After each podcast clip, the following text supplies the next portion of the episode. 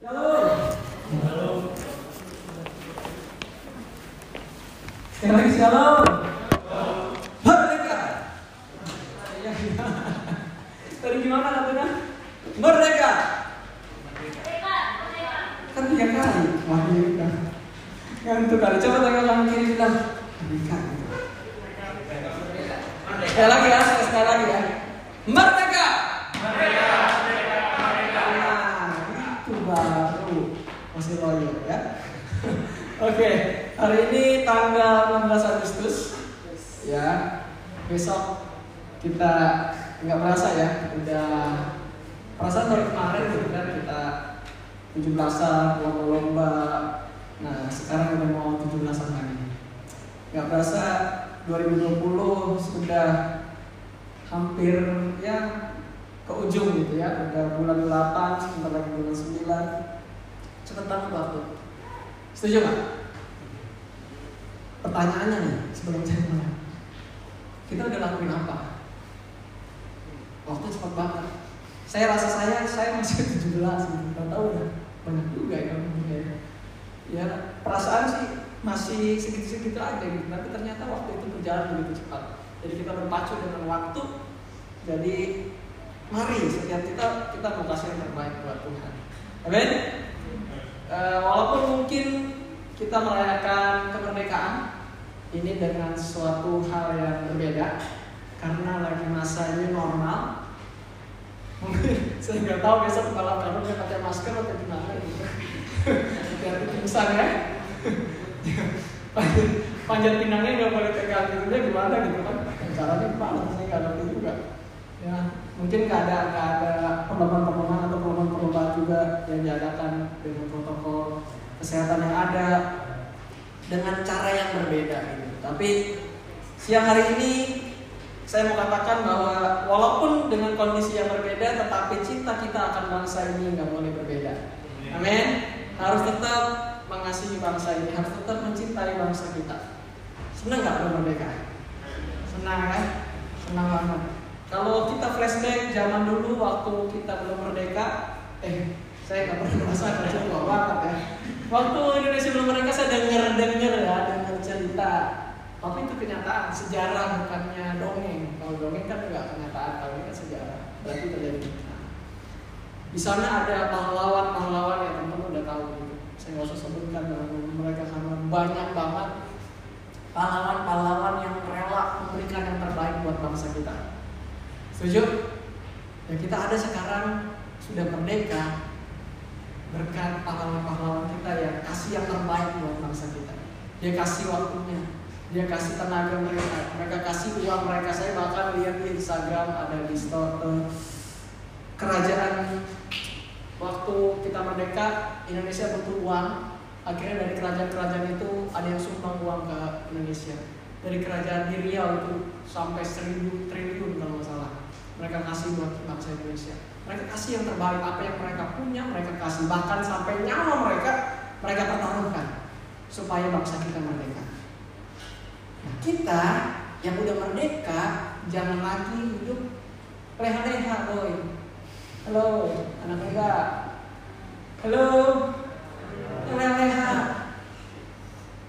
Wah, bener enak. Kadang gini, kalau kita ada di, di tempat yang enak, sering kali kita lupa bahwa kita pun harus kasih yang terbaik. Amin. Kita kasih yang terbaik dengan apa yang kita bisa lakukan. Meskipun mungkin ya kita nggak bisa langsung gitu uh, duduk di pemerintahan atau ada yang di pemerintahan nih ada mungkin yang nggak bisa langsung bersinggungan dengan pemerintahan yang ada, tetapi apa yang bisa kita lakukan, kita bisa lakukan yang terbaik buat bangsa kita. Amin. Jadi bangsa, jadi warga negara yang baik, jadi warga negara yang taat akan hukum. Amin. Ada yang masih suka terobos lampu merah? Nah, ada Kalau ada dalam hati aja bilang bertobat, saya tobat gitu ya. Oke, namun ada hal yang lebih luar biasa lagi nih. Boleh ditayangkan PowerPoint saya? Oke. Ya dari ta uh, ini tadi. Ada ada yang lebih luar biasa lagi ketika kita melihat tentang pemberian yang terbaik. Kalau pahlawan pahlawan kita udah kasih yang terbaik. supaya bangsa kita bisa merdeka. Nah, Tuhan Yesus kasih yang jauh lebih baik daripada apa yang bisa manusia lakukan. Amin. Tuhan Yesus berikan nyawanya. Bahkan ya kalau kita lihat di Filipi 2 ini kita nggak usah baca. Uh, saya sering sampaikan sama teman-teman mungkin yuk dari remaja juga saya pernah sampaikan. Tuhan Yesus turun ke dunia melepaskan atribut keilahiannya, haknya dia sebagai Tuhan. Dia lepaskan dia menjadi manusia, menjadi seorang hamba untuk menebus setiap kita. Pemberian yang paling terbaik. Berbicara tentang pemberian yang terbaik. Yesus telah memberikan yang terbaik daripada apa yang ada di dalam dunia ini. Siapa pun tidak bisa melakukan ini selain Yesus Kristus. Setuju? Ya, karena Tuhan sudah melakukan yang terbaik untuk kehidupan kita dan untuk dunia ini. Dengan cara dia turun ke dunia, dia menjadi seorang manusia untuk menyelamatkan setiap umat manusia, untuk memerdekakan kita dari maut. Kalau pahlawan kita berjuang mati-matian kasih yang terbaik buat bangsa kita supaya kita merdeka, bangsa kita mereka dari dijajah. Tetapi Tuhan Yesus kasih yang terbaik untuk hidup kita supaya kita tidak mati masuk neraka. Simpel gitu.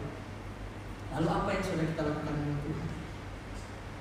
Tangannya seperti itu. Oke, jadi tema kita hari ini adalah giving my best, or giving the best. Katakan dengan saya giving my best. Kalau keras giving my best. Nah, kita harus melakukan yang terbaik dari apa yang ada di dalam diri. Dan karena bulan ini sedang berbicara tentang pelayanan, tentang excellent dalam pelayanan, maka kita akan sama-sama belajar bagaimana kita giving my best dalam hal melayani Tuhan. Nah, ini menarik dan sama-sama kita belajar, saya juga terus belajar untuk bisa semakin lebih baik, semakin kasih yang terbaik buat Tuhan. Oke, kenapa kita harus giving my best? Yang pertama karena Allah patut menerima yang terbaik yang ada dalam diri kita. Oke, okay? itu masih poin kecil. Nanti kita akan pelajari lebih banyak lagi. Dan yang pertama yang harus kita lakukan untuk kita memberi yang terbaik adalah kita harus mengembangkan memakai apa yang Allah berikan dalam hidup kita. Sama-sama katakan mengembangkan dan memakai. Mengembangkan dan memakai. Oke? Jadi kita harus kembangkan dan kita harus pakai. Jadi apa yang Tuhan sudah berikan dalam hidup kita kita harus kembangkan dan kita harus pakai. Dalam Efesus kelihatan kan di depan? Kalau nggak kelihatan buka Efesus 2 ayat 10. Di sana dikatakan karena kita ini buatan Allah diciptakan dalam Kristus Yesus untuk melakukan pekerjaan pekerjaan baik yang dipersiapkan Allah sebelumnya ia mau supaya kita hidup di dalamnya. Dalam ayat ini kita bisa melihat bahwa kita adalah buatan Allah yang sudah diselamatkan. Amin. Kok nggak ada amin nih? Kita udah diselamatin. Setuju? Yakin? Harus yakin. Kita sudah diselamatkan oleh darah Kristus. Untuk kita dapat melakukan pekerjaan yang yang baik. Kita dibentuk untuk melayani Allah. Jadi gini teman-teman, setiap makhluk yang ada di dalam dunia dibentuk Allah dengan bidang keahlian khusus. Contohnya kalau binatang punya masing-masing keahlian. Burung keahliannya apa? Ada yang tahu? Burung keahliannya apa? Uh, ular keahliannya apa? Masuk. Ya dengan macam-macam keahlian. Ikan keahliannya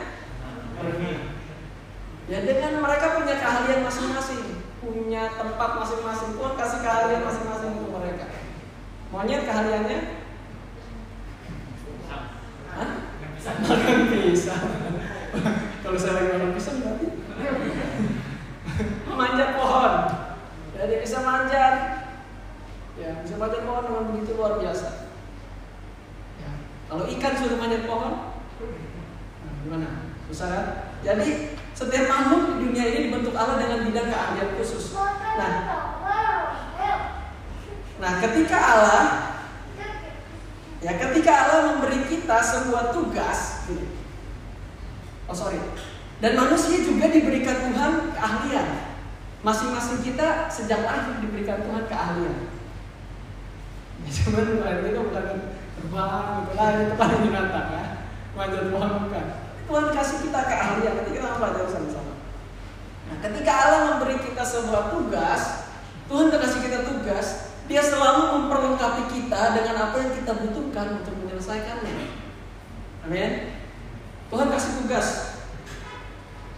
Kalau Tuhan kasih saya tugas, berarti Tuhan sudah melengkapi saya untuk saya bisa lakukan tugas ini. Oke, simpelnya gini. Kalau kalian dikasih tugas sama guru, guru nih, guru kasih tugas. Nomor satu. A dikali Y bagi dua pangkat tiga sama dengan. Kalau guru udah kasih tugas kasih soal berarti dia sudah persiapkan sebelumnya. Udah diajarin dulu. Bener nggak? Harusnya dia udah ajarin dulu.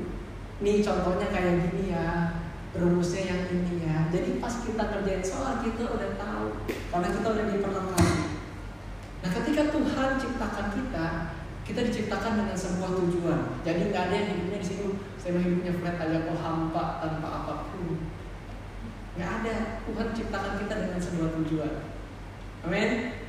Ya, dan ketika Tuhan kasih kita tujuan, maka Tuhan sudah terlengkapi kita dengan apa yang kita butuhkan. Oleh sebab itu, mari teman-teman, untuk giving my best, kita harus mengembangkan dan memakai apa yang Allah berikan kepada kita. Dan garis bawah ini kita hanya bisa giving my best dengan pertolongan Tuhan. Jadi kalau kita mau kasih yang terbaik daripada apa yang kita punya, kita juga memerlukan pertolongan Tuhan. Ya, jadi bukan dengan kekuatan kita sendiri saja, tetapi dengan pertolongan Tuhan. Nah, dalam bukunya Warren, ya Purpose Different, Different Life, mengatakan kombinasi kemampuan memiliki uh, kombinasi kemampuan yang memiliki tujuan disebut share. Nah, ini share. Wah, kelihatan nggak? Enggak? Oke, okay.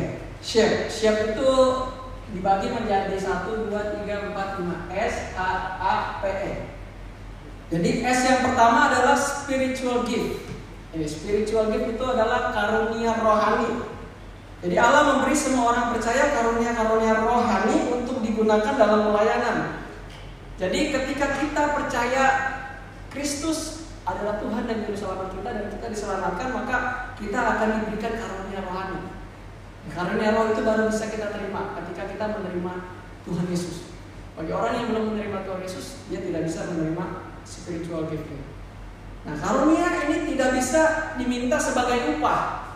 Tuhan, saya kan udah melayani, kasih saya karunia dong. Gak bisa. Jadi ini adalah pemberiannya Allah, pemberiannya Tuhan. Kita tidak bisa memilih karunia. Ini yang dituliskan oleh Paul. Kita nggak bisa memilih karunia. Tuhan saya maunya ini aja, ah, nggak mau yang ini nggak bisa. Ini adalah pemberiannya Tuhan dalam hidup kita. Dan pemberian karunia dimaksudkan bukan untuk kebaikan diri kita. Jadi ketika kita diberikan karunia bukan untuk kebaikan diri kita saja, tetapi untuk kebaikan orang orang lain. Ketika kita diberikan karunia rohani, kita diberikan itu untuk uh, menjadi kebaikan untuk orang lain. Yang kedua adalah hati, heart. Nah, kita mem memakai istilah hati untuk menggambarkan sekumpulan keinginan, harapan, minat, ambisi, impian, dan kasih sayang. Kata lain untuk hati bisa juga disebut adalah hasrat. Jadi gini, teman-teman, uh, ada orang kan yang gini, kayaknya gue senang banget nih kalau gue main ngebuk-ngebuk drum tuh kayak duh kayak ada getaran-getaran dalam hati gue gitu. Ya nggak mas langsung mas ini kasih dia oh ada. Ya nggak sih ya. tuh. Getar-getaran gitu ya. Bergetar gitu. Kayaknya nih uh, kalau uh, saya lakuin ini kayak seneng banget gitu. Seneng banget. Kayaknya pas saya nyanyi tuh kayak Aduh hati saya ini seneng banget Jadi saya pengennya setiap hari nyanyi terus Ada yang kayaknya Kalau main bola, kalau udah pegang bola tuh kayaknya udah Wah udah lupa sama semuanya Masalah itu semua lupa Udah seneng banget Mau main dari pagi sampai malam, sampai pagi sampai malam lagi, encok. gitu ya. Hati itu nggak bisa apa ya? Kalau emang nggak suka susah kan? Kayak misalnya ada yang orang nggak suka bola misalnya kan, sama saya tuh nggak suka bola. Ngapain nonton bola, main bola, ngapain gitu kan? Nah, dia nggak tahu gitu. Hatinya nggak di situ. Tapi buat pemain bola, dia senang banget main bola. Hati itu nggak bisa dibohong. Ya, oke. Yang ketiga adalah abilities, ability ya, ability. Itu adalah kemampuan. Nah, kemampuan kita ini merupakan bakat alami yang dengannya kita dilahirkan. Jadi dari dari pas berojol itu udah udah tertanam bakat itu. Jadi Tuhan berikan kita sejak dalam e, kandungan istilahnya gitu ya. Jadi ketika kita lahir kita udah punya kemampuan itu. Tuhan udah kasih. Ibaratnya kayak e, perubahan talenta lah gitu. Tuhan udah berikan dalam kehidupan kita. Jadi kalau misalnya ada orang yang fisiknya unggul, jadi dia oh, bisa jadi olahragawan.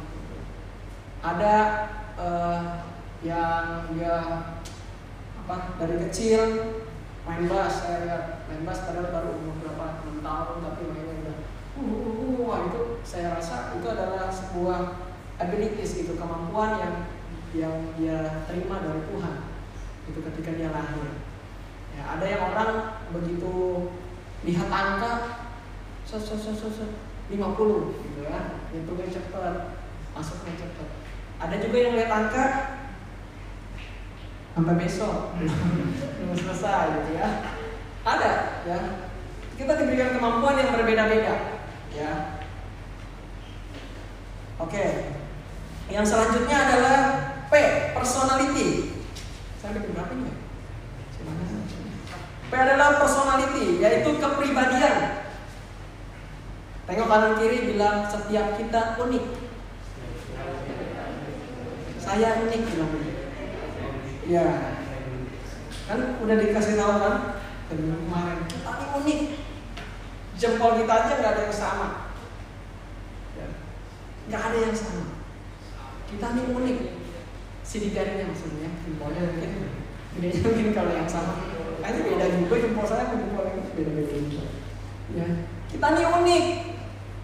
Ya diciptakan oleh Allah dengan kepribadian yang masing-masing punya kepribadian yang unik.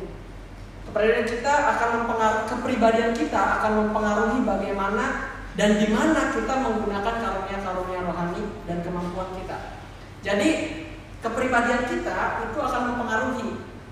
Ya, kita pakai karunia itu di mana, terus menggunakannya kapan, itu berbeda. Contohnya gini, kalau misalnya dua orang yang sama punya karunia dan punya kemampuan yang sama, contohnya misalnya uh, kemampuan deh yang gampang ini. Contohnya kalau misalnya ada mungkin dia jago main bola gitu. Yang satu pengennya dia main gitu. Main disorot sama pipi gitu kan pakai nomor 10 cuen gitu wah dia boleh wah dia senang banget dia punya kepribadian yang wah excited gitu ada lagi yang kepribadian mungkin? Ah saya mau deh. Saya nggak mau main main di lapangan. Saya mah jadi ini aja di belakang aja. Dia bisa jadi rapi dia kerjanya di belakang aja cuma oh ini harus diganti nih. Si Yos sudah kecapean nih nih. Harus diganti nih. Itu dia kerjaannya beda-beda. Padahal mereka punya kemampuan yang sama. Punya apa istilahnya? Punya uh, ya kemampuan yang sama gitu. Punya keinginan yang sama punya passion yang sama mungkin dengan sepak bola tetapi kepribadian ini bisa menentukan kapan kita pakai uh, kekuatan kita itu dan yang terakhir adalah experience atau pengalaman. Nah kita dibentuk dari pengalaman-pengalaman hidup kita. Dan saya mau katakan setiap pengalaman yang terjadi dalam hidup kita ini gak ada yang kebetulan. Amin. Ketika kita diciptakan oleh Tuhan di sebuah keluarga itu gak ada yang kebetulan. Ya. Jadi ada beberapa experience pengalaman. Nah bisa ada pengalaman-pengalaman keluarga, pengalaman-pengalaman pendidikan di mana kita sekolah, sekolahnya ambil jurusan apa, lalu uh, ekskulnya apa dan sebagainya, pengalaman-pengalaman pendidikan, lalu pengalaman-pengalaman dalam pekerjaan. Ya, ketika kita bekerja, kita bekerja jadi apa itu juga ada pengalaman-pengalaman yang masuk. Lalu ada pengalaman-pengalaman rohani. Ketika kita merasakan wah ini Tuhan keren banget luar biasa banget gitu dan lain sebagainya. Lalu ada pengalaman-pengalaman pelayanan. Kita mungkin melayani Tuhan bidang apa, bidang apa itu menjadi pengalaman juga dalam hidup kita. Dan ini yang terakhir ada juga pengalaman-pengalaman yang menyakitkan. Setuju? Ada nggak pengalaman yang menyakitkan? Atau nggak di sini senang semua? Justru saya mengatakan pengalaman yang menyakitkan pun bisa menjadi sebuah hal yang manis dalam hidup kita. Bagaimana kita menyikapinya. Nah, ilustrasinya gini deh. Kita uh, tidak berbicara tentang ini dulu ilustrasinya. Saya akan bicara tentang hati, kemampuan, kepribadian, dan pengalaman. Ada tiga orang. Ada tiga orang. Ini orang terkenal. Seantero Youth Blessing. Ya. Ada tiga orang. Yang pertama ini Dennis. Ada Dennisnya? Ada terkenal juga. Dennis. Dennis ini dia senang gambar. Dia jago gambar. Mas eh. Dia sekolahnya sekolah desain, bener ya? Apa disebutnya Animasi. Animasi. Sorry, salah, salah. Sekolahnya animasi. Emang tiap hari bikin gambar gitu ya, latihan gambar. Dia punya experience. Lalu dia suka gambar. Hatinya kalau gambar mungkin Kayaknya saya kalau gambar 5 menit udah bosan gitu kan. Aduh, ini ngapain sih gambar ini? Udah gitu jadi jelek lagi kan. Kalau dia senang gitu.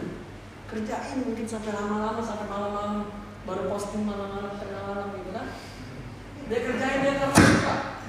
Lalu gambarnya bagus. Saya akui gambarnya bagus. Dia pernah gambarin saya, maka saya jadi lebih ganteng, lebih ganteng. 50 sampai 70 persen kan gitu ya. Lalu dia sering gambar. Jadi punya experience, hatinya senang gitu. Dia punya pengalaman. Lalu yang kedua ada Depi. Depi Susanti. Depi Susanti itu dia senang masak. Saya, nah dia pernah bekerja di bidang memasak. Jadi dia pernah kerja di catering lah gitu ya. Dia punya pengalaman di sana, pengalaman pekerjaan. Lalu dia suka masak. Dia suka coba-coba menu-menu baru. Kadang dia fotoin kok nih Depi lagi nyobain kue bikin kue cobain cobain setiap masakannya selalu enak gitu walaupun mungkin ada yang kebekan karena masih belajar. Tapi masakannya enak. Dan dia sering masak. Sering lakukan yang terakhir lihat Kevin. Kevin? Ya, si Kevin ini dia bermain gitar. Dia seorang pemusik di gereja maupun di kampusnya dia pemusik dia punya pengalaman di bidang pelayanan. Pelayanan di bidang musik. Dan hatinya senang main musik. Bener Vin?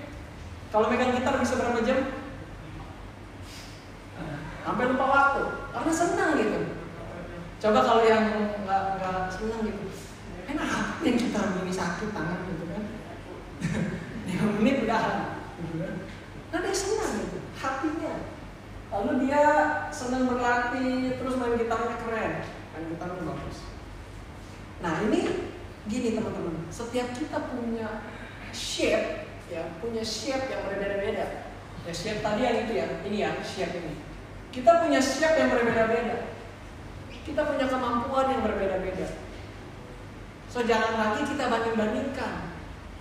Ah si Dennis mah payah. Enakan si Devi. Kalau dia makannya Gak bisa. Gak bisa dibalik-balik. Kalau memang kekuatan dia di situ ya sudah, itu adalah kekuatan dia. Dia tidak memasak, main gitarnya mungkin yang injreng-injreng gitu. Cuma sekedar bisa saja mungkin. Dan ini sudah bisa main gitar, mungkin sekedar bisa aja. Beda dengan Kevin yang dia sampai sampai malam dia main gitar latihan karena senang dan dia punya potensi Tuhan taruh potensi dalam hidupnya. Jadi jangan lagi kita lihat nilai diri kita, ah, saya payah, saya buruk dan lain sebagainya. Jadi gini teman-teman, ketika kita tahu shape kita, di sana kita bisa menghasilkan sesuatu hal yang terbaik. Ini kualitas yang paling terbaik yang bisa diri kita keluarkan. Oke, jadi ketika kemampuan bertemu dengan kemauan. Gini teman-teman, kenapa saya bilang tadi kita harus kembangkan jadi kita harus tahu nih siap kita. Tapi ketika kita tahu, kita punya kemampuan, saya punya kemampuan. Tetapi harus bertemu dengan kemauan. Giving mind base bisa tercapai ketika kemampuan bertemu dengan kemauan. Kalau kita punya kemampuan tapi kita nggak mau, itu nggak akan jadi apa-apa. Ada juga yang mengat, uh, dalam Roma 12 ayat 5 dikatakan demikian juga kita walaupun banyak adalah satu tubuh di dalam Kristus tetapi kita masing-masing adalah anggota yang seorang terhadap yang lain. Gini, saya mau katakan bahwa kita ada di gereja ini punya porsinya masing-masing, punya tugasnya masing-masing. Dengan kemampuan yang Tuhan sudah berikan dalam hidup kita. Dengan shape yang Tuhan berikan dalam kehidupan kita. Pertanyaannya sekarang yang pertama, udah tahu belum shape kita apa? Dan saya mau bilang setiap kita diciptakan Tuhan dengan sebuah potensi. Dengan apa ya? Tuhan tuh ciptain manusia bukannya ayo udah nanti mau jadi apa kayaknya terserah aja nanti dia melengkapi diri dia sendiri. Enggak Tuhan sejak kita lahir ini Tuhan sudah persiapkan kita. Tinggal kita mau nggak pakai. Nah sebagai anak-anaknya Tuhan ketika kita membaca ayat ini ini kita semua yang ada di tempat ini punya tugas masing-masing. Ada yang bertugas sebagai tangan ada yang bertugas sebagai kaki, ada yang bertugas sebagai mata dan sebagainya. Yang perlu kita ingat, ini teman-teman, tubuh bisa maksimal menjalankan tugasnya ketika semua anggota bersatu dan mau untuk melakukan bagiannya. Setuju nggak? Semua bersatu dan mau melakukan bagiannya. Uh, tangan cuti dulu deh. Dua hari saya mau cuti, capek kerja dulu minum gini naik motor coba ya gimana naik motor caranya nggak bisa nggak maksimal gitu jadi teman-teman kita tahu nih kita ditempatkan Tuhan di tempat ini punya porsi dan tugas masing-masing yuk kita melakukan tugas kita amin dan saya mau katakan nggak ada pelayanan yang terlalu kecil dan pelayanan yang lebih besar Amin. Halo Satgas. Gak kelihatan kan tadi di belakang. Tembak-tembak dulu. Ah tugas itu mah gampang. Coba jadi WL susah. Enggak semua sama. Semua ada porsinya. Jadi ketika Tuhan tempatkan kita di tempat ini, yuk kita juga mau dipakai oleh Tuhan untuk melakukan pekerjaannya. Dan kita mau kasih yang terbaik buat Tuhan. Oke. Nah, gini. Kalau orang yang mau giving the best, kalau kita mau giving the best, kita yang pertama tidak akan mencari-cari alasan. Kita tidak akan mencari-cari alasan. Ketika diminta, aduh, jangan saya lah, belum siap. Jangan, yang lain aja. Aduh, besok mah saya ini harus ini yang apa ada kerjaan kok kerjaan dadakan padahal nggak ada cari-cari alasan nanti dulu deh saya belum siap dan sebagainya lalu orang yang mau giving the best dia tidak akan menunda. Ini mungkin sebuah hal yang sering kali kita lakukan. Tadi dulu deh? Yang lain dulu. Masih ada minggu depan. Minggu depan lagi. Besok lagi. Ah dulu. E, lagi sibuk. Besok lagi. Tunda. Besok besok kan besok itu nggak ada harinya benar nggak kalau besok ada harinya nggak besok ditanya besok besok besok besok besok terus dia tidak akan menunda kalau kita mau kasih yang terbaik kalau memang Tuhan sudah panggil kita kita mengatakan yes Tuhan saya siap dia tidak akan menunggu keadaan yang lebih baik. Tadi dulu lagi corona nih. Ini pelayanan ini uh, ini misalnya dan lain sebagainya. Pakai online online. Wah susah dan sebagainya. Kita tidak akan menunggu keadaan yang lebih baik. Karena setiap keadaan kita harus melayani Tuhan. Kita tidak pernah tahu kapan waktunya Tuhan datang. Udah sering dibilangin, sudah sering dikasih tahu. Saya juga terus belajar Tuhan jangan sampai. Saya mau terus belajar. Untuk ketika Tuhan mau pakai saya saya berkata ya Tuhan saya siap. Oleh sebab itu persiapkan diri kita teman untuk kita kasih yang terbaik buat Tuhan. Karena pelayanan yang kurang sempurna selalu lebih baik daripada rencana terbaik yang tidak pernah dilaksanakan. Mungkin kita udah kasih yang terbaik nih. Wah saya udah kasih yang terbaik, saya udah latihan, mau jadi singer, terus pas sampai situ grogi gitu. Aduh, pas nyanyi tarikan pertama, fals lagi. Aduh, itu kan kurang baik gitu ya dalam tanda kutip. Tetapi itu kurang sempurna gitu ya. Tetapi itu selalu lebih baik daripada rencana terbaik yang tidak pernah dilaksanakan. Saya rencana dulu. Seminggu saya latihan, les dulu, vokal sama Mbak Berta, terus ketemu Agnesmo, terus saya baru main Tuhan. Tapi nggak pernah dijalani, cuma angan-angan saja. Akhirnya tidak terjadi apa-apa. Saya mau katakan dulu teman-teman, meskipun mungkin kita belum sempurna, tapi lakukan yang terbaik daripada apa yang kita punya. Amin. Lakukan yang terbaik daripada apa yang bisa kita lakukan. Salah satu alasan mengapa banyak orang tidak melayani adalah karena mereka takut tidak cukup baik untuk melayani. Nah ini saya sering kali di sini nggak ada. Tahu dulu kok. Aduh saya masih ini hidupnya belum layak lah melayani yang saya dulu.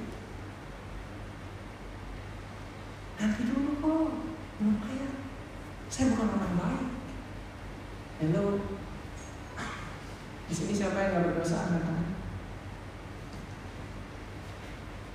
Cuman pertanyaannya gini, apakah kita mau terus hidup dalam dosa? Atau kita mau perbaiki diri kita dan kita ambil pelayanan? Ya saya mau berubah, saya mau jauh lebih baik, dan saya mau pelayanan, saya mau hidup saya lebih baik, saya mau kasih diri saya yang terbaik buat Tuhan. Amin. Jadi setiap kita ketika Tuhan memanggil kita untuk melayani, ingat kalau kita itu sudah ditebus, kita sudah dilayakan. Hingga bagaimana kita mempergunakan hidup kita dengan sebaik mungkin. Kalau memang kita rasa kita kurang baik, perbaiki diri kita sama-sama. Bukan berarti kita tidak melayani. Bukan bukan yang diambil itu tidak melayani, tetapi yang kita ambil adalah saya mau jadi yang lebih baik, pribadi yang lebih baik. Amin. Amin. Oke. Saya mau katakan juga bahwa pelayanan adalah sebuah hal yang serius. Katakan serius. Serius. Ya main-main. Jangan dianggap remeh. Aduh nanti saya pelayanan hari ini nggak apa-apa lah. Nggak kasih yang terbaik kan minggu depan juga pelayanan lagi. Ketika kita diberikan kesempatan untuk melayani Tuhan, setiap pelayanan apa pun itu adalah apa teman-teman? Serius, serius banget. Dan ketika kita mengambil uh, satu apa sih itu namanya keputusan untuk kita melayani Tuhan, yuk kita mau kasih terus yang terbaik buat Tuhan. Karena pelayanan itu bukan untuk main-main, bukan untuk coba-coba. Dan kita melayani Tuhan kita harus kasih yang terbaik. Dan juga jangan karena merasa punya banyak karunia kita jadi gak serius. Karena merasa oh saya nggak dipakai salah-salah juga nggak apa-apa nanti juga masih dikasih pelayanan. Bukan itu permasalahannya. Permasalahannya kan kita sedang melayani siapa sih? Melayani Tuhan. Kasih yang terbaik. Giving my best, giving the best untuk Tuhan. Setiap pelayanan yang kita lakukan kita mau kasih yang terbaik teman-teman udah udah istilahnya kalau latihan teman-teman harus latihan buang waktu bukan buang waktu. Investasi waktu satu setengah jam di jalan setengah jam dua jam. Pelayanannya di sini satu setengah jam tiga jam setengah teman-teman spend waktu. Kalau memang teman-teman sadar gitu teman-teman nggak akan sia-siakan waktu kita udah spend waktu misalnya tiga jam untuk kita latihan untuk kita pelayanan. Tetapi hasilnya ya udah gitu aja biasa-biasa sebodoh lah gimana nanti hasilnya dengan tiga jam setengah yang kita prepare, yang kita serius, benar-benar kita mau yang terbaik, hasilnya berbeda, tetapi buang waktunya sama. Hasilnya jauh lebih baik, waktunya sama tiga jam setengah nih. Kita hilang waktu kita istilahnya hilang tiga jam setengah, tapi kita hasilnya baik, yang satu hasilnya ya udah begitu aja. Mau yang mana? Kasih yang terbaik menurut Tuhan. Ini saya rawat aja, waktu saya udah kasih sedikit. Yang kedua, yang kedua kita harus menjadi hamba. Tapi yang pertama apa teman-teman? Kita harus mengembangkan dan memakai shape kita. Shape tadi uh, sedikit banyak kita sudah belajar. Oke, dalam Markus 10 ayat 43 dikatakan Tidaklah demikian di antara kamu barang siapa ingin menjadi besar di antara kamu hendaklah ia menjadi pelayanmu dan barang siapa ingin menjadi terkemuka di antara kamu hendaklah ia menjadi hamba untuk semuanya karena anak manusia Yesus Kristus juga datang bukan untuk dilayani melainkan untuk melayani dan untuk memberikan nyawanya menjadi tebusan bagi banyak orang. Untuk giving my best, kita harus menjadi hamba. Hamba adalah seorang yang tidak lagi memiliki hak. Jadi dia sudah dibayar oleh pemiliknya. Ketika orang dibayar, eh, dibayar, Wendy dibayar, but 5 juta jadi hamba, ya udah dia nggak punya lagi hak atas diri. Itu zaman dulu tahu yang sekarang saya nggak tahu masih ada atau enggak yang seperti itu. Ya udah mereka sudah kehilangan hak, hak atas hidupnya mereka. Dan sebagai hamba Tuhan kita bisa giving my best ketika kita ini teman-teman kita bisa seperti yang Yesus lakukan. Kita bisa mengosongkan diri kita demi kebaikan orang lain. Kita tidak bisa menjadi seorang pelayan jika kita penuh dengan diri kita sendiri ini agak kalimat yang agak berat. Kita harus kosongin diri kita, mungkin keegoisan kita, keakuan kita, kita harus kosongin. Dan kita memasukkan uh, yang namanya kita mau apa ya? Saya saya menggambarkan dari sini. Kita mengosongkan diri kita demi orang lain, demi kebaikan orang lain. Kita nggak lagi mikirin hak kita, kita nggak lagi mikirin oh nanti kalau gue lakuin ini gue dapat apa. Ini kan kita kosongin ya apa yang harusnya saya bisa dapat, apa yang harusnya saya bisa terima, kita kosongin dan kita ganti dengan pikiran-pikiran dengan hal-hal yang apa yang saya bisa lakukan untuk mereka. Apa yang saya bisa lakukan untuk pekerjaan Tuhan? Apa yang saya bisa lakukan untuk teman saya supaya dia bisa terima Yesus? Apa yang saya bisa lakukan supaya orang-orang di luar sana bisa kenal siapa Yesus? Jadi kita nggak lagi memikirkan diri kita, tetapi kita memikirkan Yesus gimana caranya Tuhan Yesus terkenal, gimana caranya orang-orang itu bisa diselamatkan. Kita ganti dengan pikiran itu. Karena ketika kita mau giving my best, kalau kita masih memikirkan diri kita sendiri, kita akan sulit sekali untuk kita bisa kasih yang terbaik untuk Tuhan. Jadi kita harus menjadi seorang hamba Sebagai pelayan Tuhan yang ingin melakukan yang terbaik, baca sama-sama. Sebagai pelayan Tuhan yang ingin melakukan yang terbaik untuk Tuhan, maka kita harus berpikir tentang pekerjaan kita, pekerjaan saya, bilang pekerjaan saya. Bukan apa yang dikerjakan orang lain. Sebagai pelayan Tuhan yang ingin melakukan yang terbaik untuk Tuhan, maka kita harus berpikir tentang pekerjaan kita bukan apa yang dikerjakan orang lain. Kita mikirin apa yang saya udah lakuin ya. Bukan berpikir kok saya udah capek dia kok diem-diem aja.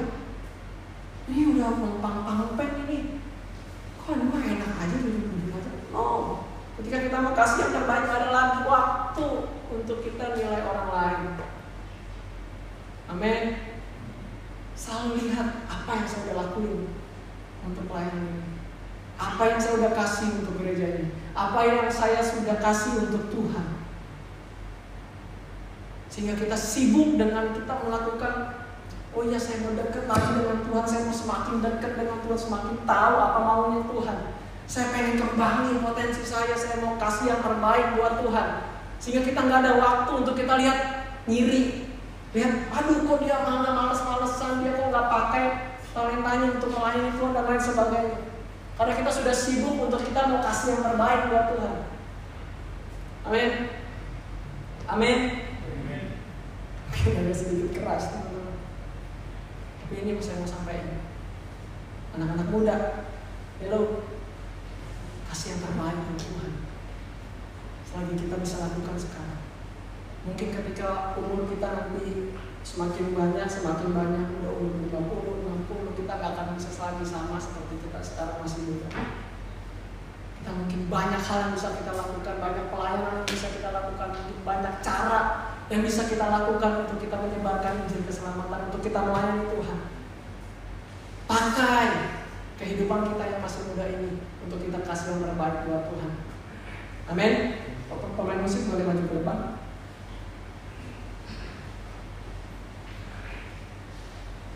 Hati-hati, jangan sampai pelayanan kita merupakan pelayanan pada diri sendiri. Kita melayani supaya orang lain menyukai kita, supaya kita dikagumi, atau supaya kita mencapai tujuan-tujuan kita sendiri.